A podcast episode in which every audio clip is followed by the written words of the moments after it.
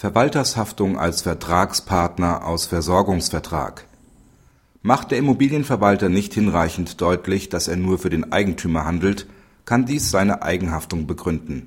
Dabei kann es bereits infolge Aufnahme der Belieferung und Abnahme seitens der Verbraucher konkludent zum Abschluss eines Versorgungsvertrags kommen.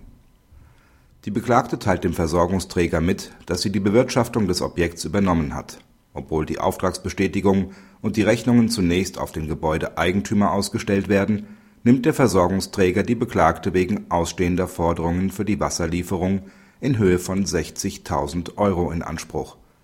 Vor dem BGH hat sie damit Erfolg. Mit der Beklagten ist ein Versorgungsvertrag geschlossen worden. Ein Vertrag mit dem Gebäudeeigentümer ist trotz des an diesen gerichteten Bestätigungsschreibens und der Zusendung der Rechnungen nicht zustande gekommen Redlicherweise kann die Beklagte die Lieferung der Klägerin nur dahin verstehen, dass der Vertrag mit ihr geschlossen wurde.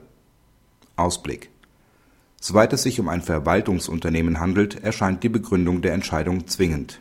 Es ist freilich zu berücksichtigen, dass ein Immobilienverwalter nicht daran gehindert ist, für ein von ihm verwaltetes Objekt einen Vertrag im eigenen Namen zu schließen.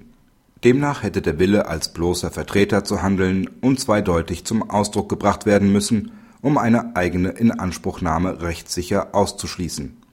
Schlamperei, zumal gepaart mit Rechtsunkenntnis, kommt teuer zu stehen